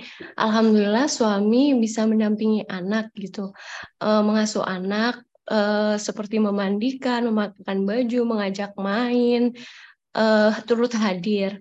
Namun yang ingin saya tanyakan, apakah suami juga perlu membantu pekerjaan rumah ya Ustadz, walaupun kita sebagai istri tidak keberatan mengerjakan pekerjaan rumah. Terlebih anak saya laki-laki, uh, apakah perlu melihat ayahnya mengerjakan rumah agar kelak dia juga bisa uh, membantu istrinya gitu. Yang kedua tadi terkait yang Ustadz sampaikan mengenai kita boleh mengambil ilmu dari orang kafir gitu ya asal tidak uh, melukai kaidah kita. Nah, yang ingin saya tanyakan itu tentang sensory play menggunakan bahan makanan itu bagaimana hukumnya? Apakah boleh kalau bahan makanan itu expired atau tetap tidak boleh? Yang ketiga ini kalau suami itu dinas ya Ustadz, misal suami saya kan dinas dua minggu keluar kota gitu, itu bagaimana hubungan ayah dan anak gitu tetap terjaga? Apakah cukup dengan video call atau kita ceritakan kebaikan ayah kita sedang bekerja gitu? Terima kasih Ustadz. Nah, ya, ya, kalau ya ini uh, ternyata udah diborong semua pertanyaan ya, langsung tiga ya. Biasanya kalau langsung tiga gitu sering kali lupa ya karena ya apa saya nggak baca catatan di sini ya untuk bisa apa untuk untuk mengingatkan. Jadi kalau lupa tolong diingatkan. Ya, tadi pertanyaan pertama adalah ketika suami turut bermain sama anak, apakah suami perlu untuk melakukan pekerjaan domestik rumah tangga? Ya, sebenarnya yang perlu kita pahami bersama, kita kembalikan kepada mindset ya. Memang ada budi, budaya apa namanya? apa uh, kultur-kultur tertentu ya, uh, di mana laki-laki itu tidak sepatutnya untuk melakukan pekerjaan-pekerjaan rumah tangga. Ya, ini suatu hal yang tidak tepat. Karena ya contoh kita yang paling utama Rasulullah Shallallahu Alaihi Wasallam ya ketika ibunda Aisyah radhiyallahu taala ya istri Nabi SAW ditanya tentang apa yang dilakukan oleh Rasulullah di rumahnya maka ibunda Aisyah ya radhiyallahu taala mengatakan apa ya kana fi, fi apa kana fi mihnati ahlihi. Ya beliau itu uh, senang melakukan pekerjaan-pekerjaan ya keluarganya. Artinya Nabi itu ngesol sepatu sendiri, menjahit baju sendiri. Itu bukan pekerjaan yang berkaitan dengan gender. Artinya tugasnya perempuan enggak gitu loh. Dan suatu hal yang baik ya ketika suami turut membantu istri di dalam aktivitas rumah tangga, nyapu, ngepel, nyuci baju, cuci piring, atau yang semisalnya. Itu tidak akan mencoreng maskulinitasnya, bahkan itu akan semakin ya menguatkan rujulah atau maskulinitas suami. Apalagi di hadapan anak laki-lakinya. Hmm, karena itu, ya apabila suami mau menolong dan mau membantu istrinya, maka jangan ditolak. Ya, tapi kalau suami misalnya nggak mau, kemudian kita misalnya kecapean, kita minta tolong, mas tolong sapuin dong mas gitu ya. Kemudian suaminya ridho, maka alhamdulillah. Tapi kalau misalnya suaminya nggak mau, ya udah jangan dipaksa gitu. Ya, namun kita boleh untuk memberikan saran. Nah, kemudian pertanyaan yang kedua tentang uh, apa sensory play dengan bahan makanan, memang ada fatwa dari para ulama dan ini udah pernah saya bahas sebenarnya ya di dalam beberapa kajian dan di dalam beberapa daurah ya. Itu sudah saya jelaskan cukup rinci ya. Ya intinya adalah ya asalnya tidak sepatutnya bahan makanan itu dijadikan sebagai alat-alat bermain. Karena fatwa para ulama seperti Syekh bin Bas itu di dalamnya ada dua illah yang menyebabkan mereka melarang pertama adalah ihanah al ihanah yaitu menghinakan makanan yang kedua adalah adalah tabzir, ya membuang-buang makanan. Nah, namun kaidahnya ya ini kan ijtihad dari para ulama dan mereka mengharamkan karena ada illah. Ya. Dan dikatakan bahwasanya al-hukmu ya apa namanya? yaduru ma'a illatihi adaman wa wujudan wa wujudan. Hukum itu beredar mengikuti ilahnya, ada atau tidak adanya ilahnya. Artinya kalau tidak ada unsur ihana, tidak ada unsur tabzir, maka kembali ke hukum asal boleh. Karena itu, ya, apabila misalnya ada suatu makanan, entah itu beras atau tepung, itu sudah kehilangan uh, apa ya, kehilangan kualitas, sudah kehilangan fungsi, sudah tidak layak dimakan, maka dia sudah sudah tidak lagi dikatakan sebagai makanan yang layak untuk dimakan. Karena dia sudah expired, sudah kadaluarsa, sudah kehilangan kualitas. Maka tentunya ya ketika digunakan untuk uh, alat-alat uh, permainan ya untuk anak-anak dan anak-anak tentunya anak kecil ya itu kan butuh safety ya butuh yang sesuatu yang food grade yang tidak membahayakan mereka ya dan ini suatu suatu hajah suatu kebutuhan nah sehingga apabila hajah atau kebutuhan anak-anak bermain uh, yang membutuhkan food grade sementara di sisi lain itu ilah untuk untuk mengharamkan makanan itu sudah nggak ada ya untuk uh, ilah untuk mengharamkan menggunakan alat makanan udah nggak ada, artinya udah kehilangan fungsinya, ya maka sejatinya nggak masalah. Karena di sisi lain itu ternyata ada bahan makanan yang malah digunakan tidak untuk dimakan. Contoh madu itu dijadikan sebagai campuran kosmetik, termasuk seperti susu juga dijadikan apa bahan untuk sabun. Bahkan di dalam sejumlah perusahaan makanan yang membutuhkan food grade itu ada beberapa minyak kayak minyak kacang ya itu kan minyak-minyak ini kan sejatinya kan juga termasuk bahan campuran makanan supaya uh, food grade ya makanan itu aman dikonsumsi dan itu suatu hajah suatu kebutuhan. Karena bahaya kalau tidak pakai food grade ya akhirnya digunakan minyak-minyak yang memang untuk makanan kayak minyak kacang itu di, digunakan sebagai pelumas mesin. Ini padahal dijadikan sebagai pelumas mesin. Ya, artinya ketika ada hajah-hajah tertentu seperti ini, ya dan ini ada jelas maslahatnya, maka tidak masalah. Yang jadi masalah adalah apabila ada kecenderungan kita itu seperti kayak tidak menghargai makanan, menghinakan makanan dan kita buang-buang makanan. Nah, itu yang tentunya apa namanya terlarang ya. Nah, mudah-mudahan bisa dipahami. Kemudian pertanyaan yang ketiga, ketika suami lagi dinas ya, Ya alhamdulillah ketika suami nggak dinas dia mau bermain dengan anak-anak ya. Itu berarti sudah membangun attachment, ada ada apa ada apa kelekatan ya. Kemudian ketika dia lagi dinas, kita berada di suatu zaman yang Allah berikan banyak karunia, kemudahan-kemudahan dengan adanya gawai atau gadget. Gadget ini bisa menjauhkan yang dekat dan bisa mendekatkan yang jauh. Ya, tinggal kita pilih kita mau yang dekat jadi jauh atau yang jauh jadi dekat. Nah, ketika suami kita dinas, ya bisa gunakan misalnya ada waktu-waktu yang sudah ditentukan untuk video call, sembari sang istri tetap yang menyampaikan tentang suaminya hal-hal yang baik ya. Bahwasanya Abi lagi kerja sekarang ya. Ya nanti insya Allah ya kita doakan mudah-mudahan urusan Abi cepat selesai supaya kamu nanti bisa ketemu sama Abi, bisa bermain sama Abi. Kita ceritakan baik-baiknya tentang suami kita. Nah, wallah alam so. Kemudian pertanyaan yang kedua dari uh, Ibu Safira Ardia, silakan.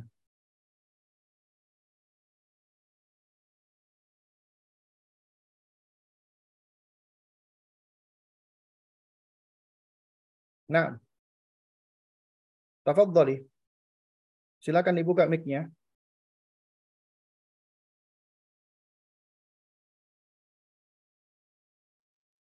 Ya, Assalamualaikum warahmatullahi wabarakatuh. Terima kasih Ustadz uh, atas ilmunya, jazakallah khair. Semoga Ustadz dan keluarga selalu dalam lindungan Allah. Amin. Ustadz saya mau tanya, gimana cara memberitahu suami yang sulit diajak diskusi dan belajar mengenai parenting? Nah, uh, kami sering bermain HP, sama bersamanya anak, lalu suami juga tidak pernah memberi waktu istri untuk me time, padahal suami selalu punya waktu untuk me time sendiri. Bagaimana menyikapinya ya Ustadz? Barakallahu fiqh. Baik ya, fik wa fik barakallah. Ini masalah jamak yang terjadi ya pada sejumlah akhwat ya. Allah uji mereka dengan suami-suami seperti ini. Dan Allah menguji tiap orang dengan ujian yang berbeda-beda. Ya. Dan ketika Allah menguji, Allah sudah tahu ujian itu adalah ujian yang ujian yang layak untuk orang tersebut. Artinya Anda diuji dengan ujian seperti ini, ya itu artinya Anda insya Allah dengan pertolongan Allah Anda akan sanggup untuk melewati dan melaluinya. Ya ketika suami Anda abai, cuek, sibuk sama handphone, nggak mau ikut urusan uh, anak dan lain sebagainya, maka ini adalah ya musibah sebenarnya, musibah. Dan kita bangun mindset ya sebagaimana mindset yang udah dijelaskan oleh sejumlah hadis ya.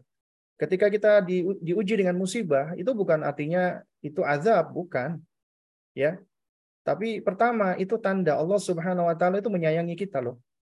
Karena kata Nabi Shallallahu alaihi wasallam, "Innallaha idza ahabba qauman ibtalahum." Allah apabila mencintai suatu kaum, Allah akan menguji dia. Diberikan ujian-ujian, cobaan-cobaan, musibah-musibah. Karena ketika Anda diberikan musibah, Anda akan merasa lemah, merasa butuh pertolongan, merasa gelisah, merasa sedih, merasa kecewa. Itu adalah sinyal tanda dari Allah agar Anda kembali kepada Allah. Artinya untuk memperkuat hubungan Anda dengan Allah, inabah kepada Allah. Kemudian juga yang kedua, ketika Anda diuji oleh Allah, itu artinya adalah tanda agar kita ya setelah kembali kepada Allah banyak bertobat, istighfar kepada Allah. Karena kaidahnya adalah wama asobakum min musibatin fabi maka sabat aidikum. Tidaklah musibah yang menimpa kamu kecuali itu karena perbuatan tangan kamu sendiri, karena salah kesalahan kita, karena dosa-dosa kita. Suami kita yang buruk nggak lepas dari kesalahan dan dosa kita. Seburuk-buruknya suami tetap ada peran kita, kita yang pilih dia gitu loh.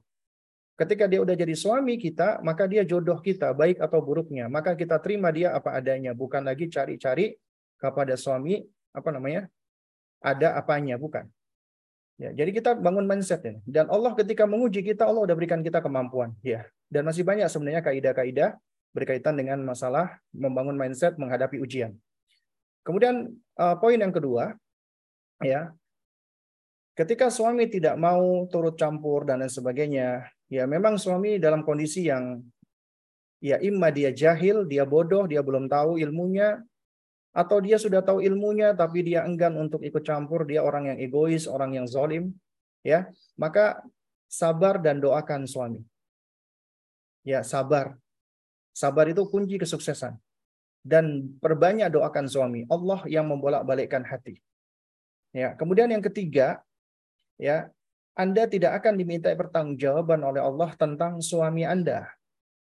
Tapi Anda diminta pertanggungjawaban oleh Allah tentang anak Anda. Sebaliknya suami diminta pertanggungjawaban tentang Anda, istrinya, dan anaknya. Jadi apabila suami Anda bermaksiat, berdosa, melakukan perbuatan dosa, Anda nggak akan nggak akan diminta pertanggungjawaban oleh Allah. Ya, anda nggak akan diminta pertanggungjawaban, tapi Anda akan diminta pertanggungjawaban tentang anak Anda. Karena itu fokus kepada apa yang menjadi tanggung jawab Anda. Fokus dulu. Sibukkan sama anak. Ya. Jangan sibukkan dengan sesuatu yang pertama bukan menjadi tanggung jawab kita, kemudian yang kedua juga ya itu akan lebih banyak menghabiskan energi kita kalau kita sudah fokus kepada suami, fokus dulu kepada anak. Nah, kemudian yang keempat ya baru kita berupaya ini supaya hidayah bisa sampai kepada suami kita. Selain kita doa, maka caranya adalah ta'liful qulub untuk membangun koneksi, melunakkan atau menawan hati suami. Dengan cara apa? Dengan cara kita semakin berbuat baik terhadap suami. Semakin santun, semakin ramah, semakin melayani. Emang berat. Bagaimana sih aku bisa melayani suami yang kayak gini? Enak aja. Kerjanya cuma main handphone. Kemudian kita mau baik-baikan. Ujian dari Allah memang kita nggak bisa pungkiri. Dan ini berat. Ya, jadi saya katakan berat memang. Tapi di situlah letak ujian Allah dan di situlah letak pahala Allah yang berlimpah. Karena ketika Anda ya menaati suami Anda, itu sejatinya Anda menaati Allah dan Rasulnya, bukan dalam rangka untuk semata-mata suami Anda tidak. Ya, istri itu menaati suami itu karena mengikuti perintah Allah dan Rasulnya, bukan karena suaminya baik atau nggak baik, bukan. Kalau kalau dikembalikan kepada suami baik dan nggak baik, maka akan capek kita ini. Ya, jadi nggak akan ada namanya uh, apa namanya bakti istri lagi kepada suami. Tapi karena ini perintah Allah dan Rasulnya, dan di dalam perintah Allah dan Rasulnya pasti mengandung kebaikan. Karena ini dapat melunakkan hati suami dengan izin Allah. Sebab-sebab hidayah turun. Jadi ketika Anda semakin melayani suami semakin baik, ya suami insya Allah akan semakin sayang dengan istri seperti ini. Sehingga ketika terbangun koneksi, maka akan lebih mudah bagi Anda untuk melakukan koreksi ya. Nah, ini mungkin di antara hal-hal yang bisa kita lakukan. Nah, wallahu Di sini ada pertanyaan yang masuk ya dari chat. Suami saya berusaha keras agar sebisa mungkin ada dan sering bertemu anak-anak dari pernikahan sebelumnya. Namun mantan istri karena sakit hati tidak mudah ditemui dan terjadi kesenggangan sering kali anak-anak mendengar kata-kata ya kamu sama ayah kamu saja sana sana sama istri barunya. Jadi bukan karena tidak mau, tapi karena tidak ada koordinasi yang baik, bagaimana saran Ustadz atas hal ini? Nah, jadi apabila anak itu mengikuti ibunya, ibunya marah, sakit hati dengan suaminya, mantan suaminya maksudnya, ya, maka apabila sang mantan istri ini, apa, uh, sang ibu ini itu melarang anaknya bertemu dengan ayahnya, itu dosa dia. Dia dosa. Karena dia menjauhkan anak dari ayahnya. Ya, dan ini perbuatan yang egois ketika dia nyuruh atau memerintahkan anak untuk apa? Untuk untuk uh, apa ya maksudnya kayak diusir dari dirinya. Sana kamu ikut sama ayahmu sama ibu barumu gitu kan. Nah, terus kemudian juga dari sisi sang suami, sang mantan suami, apabila menghadapi seperti ini, maka hendaknya dia bersabar.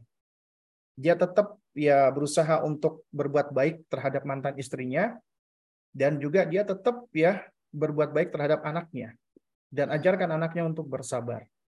Ya. Dan suami berhak untuk mengambil anak sebenarnya. Anak itu seharusnya menjadi tanggung jawab suami. Ya. Jadi kalau mantan istri misalnya berbuat hal-hal seperti ini, maka kalau dia berulang-ulang melakukannya, udah dinasehati, udah dengan cara baik, maka boleh diancam. Ya, anak itu dibawa oleh sang suami. Kenapa? Karena kalau tidak anak ini akan hidup dalam dalam apa ya dalam kondisi yang nggak baik, ya.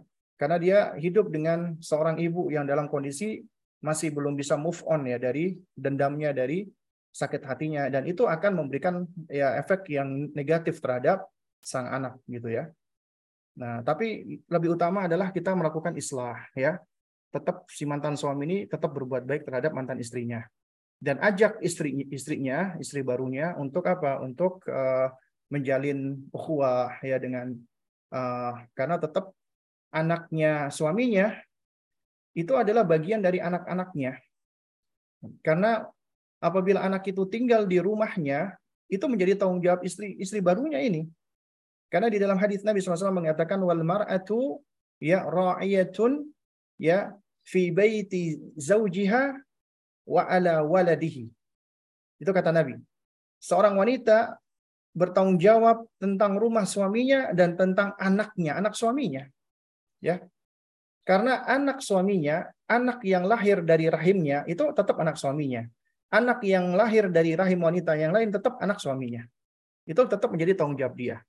Ajak suami, ya maksudnya ajak istrinya untuk ya menjalin ukhuwah, ya agar tetap bisa uh, menjalin hubungan yang baik. Nah, merujuk pada kitab kisah tauhid Ibunda Hajar, bagaimana aplikasinya di dalam kehidupan umahat di zaman ini Ustaz? Anda mewakili keluhan beberapa umahat. Keluhan apa ini? Merujuk kisah kisah tauhid. Apakah tauhid itu identik dengan mandiri, di mana istri melaksanakan kewajiban mengasuh anak-anak ini dengan sense kemandirian agar tidak ridho, tidak nyesek ketika mendapati suaminya yang disfungsional? Ya, tidak bisa dipungkiri hal tersebut dapat mendorong ke polar ekstrim, di mana istri menganggap suaminya tidak ada dan ini bisa merembet ke aspek-aspek lain seperti memudarnya respek istri kepada suami.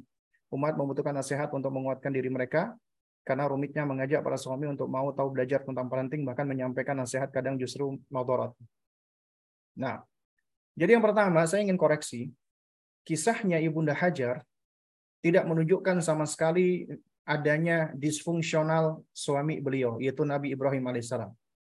Ya, tidak sama sekali. Ya. Dan tidak ada indikasi ke sana sama sekali. Karena Nabi Ibrahim adalah seorang ayah yang hebat, yang luar biasa. Allah abadikan beliau di dalam Al-Quran sebagai ayah yang luar biasa. Dan tidak ada yang namanya tanda-tanda disfungsional dari seorang Nabi Ibrahim alaihissalam. Itu salah kaprah, salah paham. Ya, dan ini kalau misalnya ada orang-orang parenting muslim yang mengangkat, berarti itu berangkat dari kejahilan, dari kebodohan.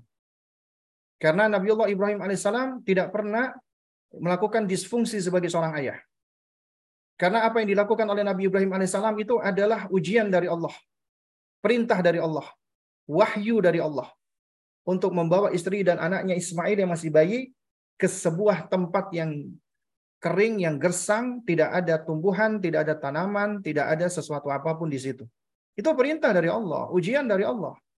Ya, Gak ada, gak ada urusannya sama disfungsional seorang ayah. Itu konsep yang keliru 100%, 1000% keliru. Apabila dikaitkan dengan Ibunda Hajar. Karena di dalam ya, kutub di dalam kitab-kitab tafsir diterangkan bahwasanya setelah Nabi Ibrahim alaihissalam meletakkan Hajar dan Ismail di Bakkah ya ketika itu atau di Makkah kemudian Nabi Ibrahim alaihissalam pulang ke Palestina Nabi Ibrahim alaihissalam itu Allah karuniakan ya kendaraan khusus para nabi dan rasul. Apalagi Nabi Ibrahim adalah Khalilullah. Allah berikan kendaraan buruk namanya sebagaimana Rasulullah SAW diberikan buruk dan disebutkan di dalam sejumlah riwayat Nabi Ibrahim alaihissalam itu setiap beberapa waktu datang mengunjungi ya ibunda Hajar alaihissalam dan putranya Ismail dengan kendaraan buruknya. Jadi nggak ada namanya uh, disfungsional, nggak ada. Makanya ibunda Hajar alaihissalam ketika ditinggal oleh Nabi Ibrahim alaihissalam, ya ketika beliau pergi melangkah dengan gontainya karena ya, Nabi Nabi Ibrahim alaihissalam ya sebagai manusia biasa sebagai ayah sebagai suami Ya, karena ini perintah Allah, tetap ada sisi beliau merasa berat di situ. Makanya Ibunda Hajar apa ngomong kepada Nabi Ibrahim alaihissalam, ya, ya Ibrahim, apakah engkau hendak meninggalkan kita? Ya, apa namanya? Tatrukuna, ya, filwadi di lembah yang la syai'un wala insun yang tidak ada sesuatu, nggak ada manusia, nggak ada tumbuhan. Ibrahim nggak jawab sampai tiga kali baru ibunda Hajar sadar ya apa namanya? Hal apa namanya? Amarakallahu bihada apakah Allah yang perintahkan Anda dengan hal ini? Kemudian Ibrahim mengatakan iya. Beliau mengangguk. Kemudian apa jawaban Hajar alaihissalam ya idan idhab. Kalau gitu pergilah engkau ya Ibrahim wahai suamiku. Ya innallaha lan yudhayyana Allah enggak akan enggak akan apa? Allah tidak akan uh, menelantarkan kami. Ya, Allah tidak akan menyia-nyiakan kami. Yaitu keimanan seorang ibunda Hajar alaihissalam. Nah, jadi suatu hal yang keliru dipahami disfungsional atau ada seorang suami bapak-bapak juga sama pakai argumentasi karena ini suatu hal yang juga saya pernah ditanyakan ya ketika bicara tentang suami yang sibuk kerja nggak ngurusin anak argumentasinya Nabi Ibrahim alaihissalam ya itu keliru. Nggak tepat itu istidlalnya. Nah, lalu kemudian apakah tauhid itu identik dengan mandiri? Yang perlu kita pahami bersama, ya, Allah jadikan manusia itu lemah, doif. Allah tahu tentang kelemahan manusia. Karenanya, ketika Allah menciptakan Nabiullah Adam alaihissalam, Allah tempatkan di surga. Surga itu apa kurangnya coba? Tapi Allah tahu ya bahwasanya ada yang kurang dari sisi Nabiullah Adam alaihissalam. Kemudian Allah ciptakan pasangannya, Ibunda Hawa alaihissalam. Untuk apa? Liyaskuna ilaiha. Agar dia apa bapak kita Adam merasa tenang dan tentram dengan Ibunda Hawa alaihissalam. Ya.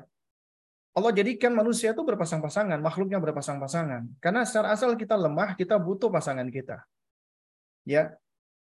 Jadi kita boleh saling mengandalkan satu dengan yang lainnya, saling bersandar satu dengan yang lainnya. Tapi Allah tetap mengingatkan, ya, sebetapapun yang kita andalkan itu makhluk, tetap lemah sama seperti kita. Tidak sepatutnya kita mengandalkan secara mutlak makhluk-makhluk Allah, tapi Allah yang seharusnya kita andalkan. Kita boleh ngambil pelajaran dari kisahnya Nabi Ibrahim alaihissalam, dari Ibunda Hajar. Karena tetap yang memberikan rezeki ketika Ibunda Hajar sendirian bersama dengan Ismail, ya, karena perintah Allah ini. Bukan karena egois, bukan karena disfungsional, bukan. Ibrahim melakukan ini karena perintah Allah. Ya, Nah, sementara bapak-bapak yang melakukan ini bukan karena perintah Allah, tapi karena perintah hawa nafsu, syahwat, egoisme. Jadi nggak sama gitu kan. Nah, jadi kita belajar bagaimana apa namanya uh, tawakalnya seorang ibunda Hajar alaihissalam dan dan juga bagaimana Ibrahim alaihissalam yang bertawakal ya beliau titipkan keluarganya kepada Allah Subhanahu wa taala karena tidak ada yang paling bisa menjaga titipan kecuali Allah Azza wa Jalla. Nah, jadi tetap yang menjadi sandaran utama kita adalah Allah Subhanahu wa taala. Adapun diuji dengan suami yang sulit diajak belajar itu sebenarnya udah dijawab tadi ya di pertanyaan sebelumnya. Maka itu ujian dari Allah Subhanahu wa taala ya.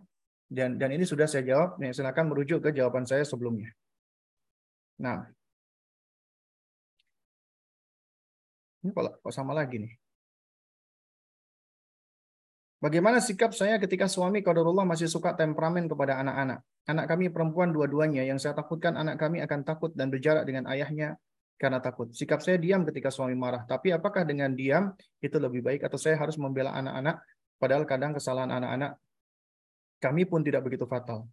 Kecuali disuruh sholat tidak langsung dikerjakan itu saya tidak ikut campur. Syukran jazakumullah khairan. Nah, ya sebenarnya tidak sepatutnya seorang bapak bersikap keras, kasar kepada anaknya, apalagi anak perempuannya. Itu nggak patut. Jadi apabila seorang istri mendapati suaminya bersikap kasar, bentak-bentak anaknya, ya apa yang dia lakukan? Jangan diputus. Maksudnya jangan di apa di bela langsung anaknya atau di stop. Tapi dia dekati suaminya, ya dia duduk di sampingnya, ketika suami berdiri, kita tarik halus tangannya dengan lemah lembut untuk duduk. Kemudian kita usap-usap punggungnya, ya, sembari kita berzikir, ya, agar dia tenang. Jadi intinya kita berusaha menenangkan suami. Nah, kemudian kita lakukan dua hal. Pertama kepada anak, kedua kepada suami. Yang pertama kepada anak. Ya. Jadi yang kita lakukan kepada anak adalah kita sampaikan agar anak bersabar, kita sampaikan sebenarnya abimu tuh sayang sama kamu nak ya nah jadi tapi kenapa abi kok marah-marah sama aku ya nak. Jadi sebenarnya abi itu marah sama kamu. Karena kadang-kadang orang marah itu karena apa kebaikan kita. Ya intinya kita ajarkan kepada anak kita kita tunjukkan abinya sayang. Ya. Terus kemudian kita minta anak agar anak kita memaafkan abi. Nanti umi insya Allah akan ngomong sama Abi ya supaya kalau ngomong baik-baik. Itu boleh kita sampaikan. Nah kemudian baru kita masuk kasih masukan ke suami kita. Sampaikan dengan cara baik-baik, ya.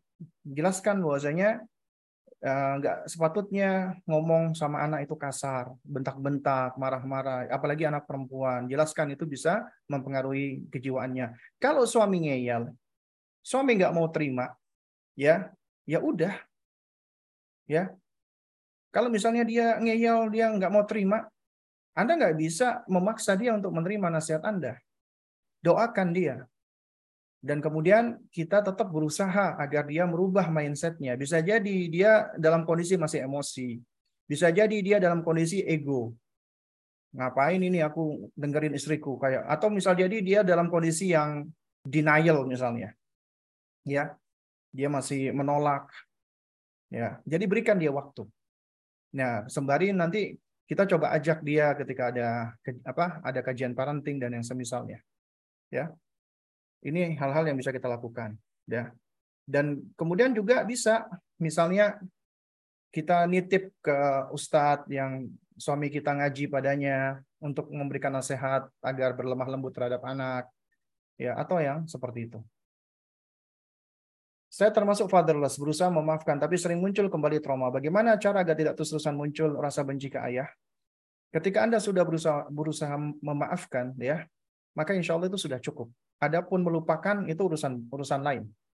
Karena kita nggak bisa memaksakan suatu hal yang menjadi hal yang trauma, kemudian kita lupakan begitu saja. Suatu hal yang, suatu hal yang nggak bisa. Tapi kalau kita maafkan, kemudian kita ridho, ini bagian dari takdir Allah, ya Insya Allah di sini ada hikmah, ada pelajaran. Kemudian kita memberikan uzur kepada ayah kita karena ayah kita belum belajar, ayah kita masih jahil, ayah kita begini dan begitu. Insya Allah dengan berjalannya waktu, ya kita akan semakin lapang. Ya, mungkin masih ada perasaan jengkel, marah, tapi insya Allah itu semakin lama akan semakin pudar. Kenapa? Karena kejengkelan, kebencian, dan dendam itu tidak kita kasih nutrisi. Artinya kita tidak tenggelam di dalam hal tersebut. Kita move on. Ya. Tapi kalau misalnya kita terus menyuburkan perasaan ini, maka akan terus-terusan. Kita akan sulit untuk keluar dari apa namanya dari uh, ibaratnya apa namanya kubangan ini, kubangan kebencian, kubangan kemarahan ya. Jadi kita akan sulit untuk move on. Nah, banyaknya kasus kejahatan ayah ke anak membuat saya takut dekat-dekat dengan ayah. Saya dulu sering menceritakan perilaku bapak sebab saya ingin mencari solusi, tapi saya menyesal. Saya takut dosa menyebar aib bapak. Sebenarnya ketika kita menjelaskan keburukan, kejelekan, itu tidak mesti ribah, tidak mesti membongkar aib. Ya, karena ada kondisi-kondisi di mana kita perlu untuk menceritakan keburukan-keburukan tersebut dalam rangka untuk mencari solusi. Ya, karena tidak semua menceritakan aib itu dosa.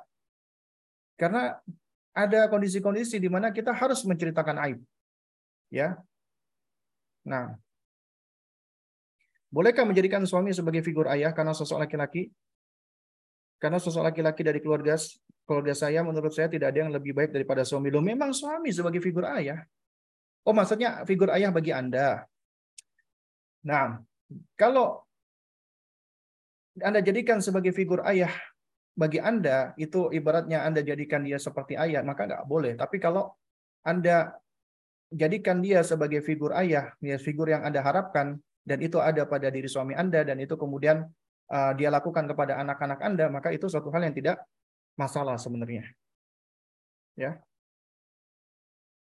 Nah,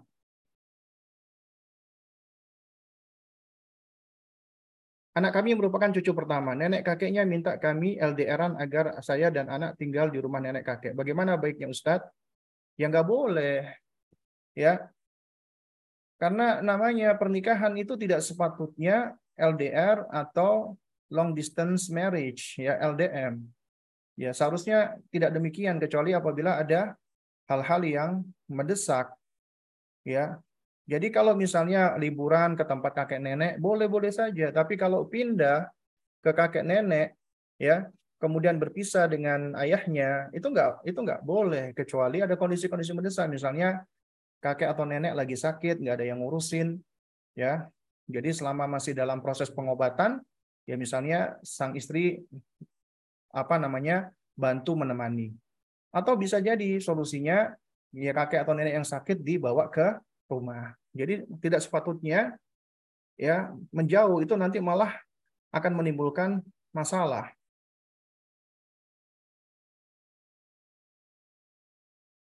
Nah, Toyib ya, sepertinya sudah tidak lagi pertanyaan ya yang saya lihat di sini. Dan ini juga sudah pukul setengah 12 ya. Jadi insya Allah kita cukupkan dulu sampai di sini ya. Nah, uh, barakallahu fikum jami'an. Mudah-mudahan yang sedikit ini bisa memberikan manfaat untuk kita semua.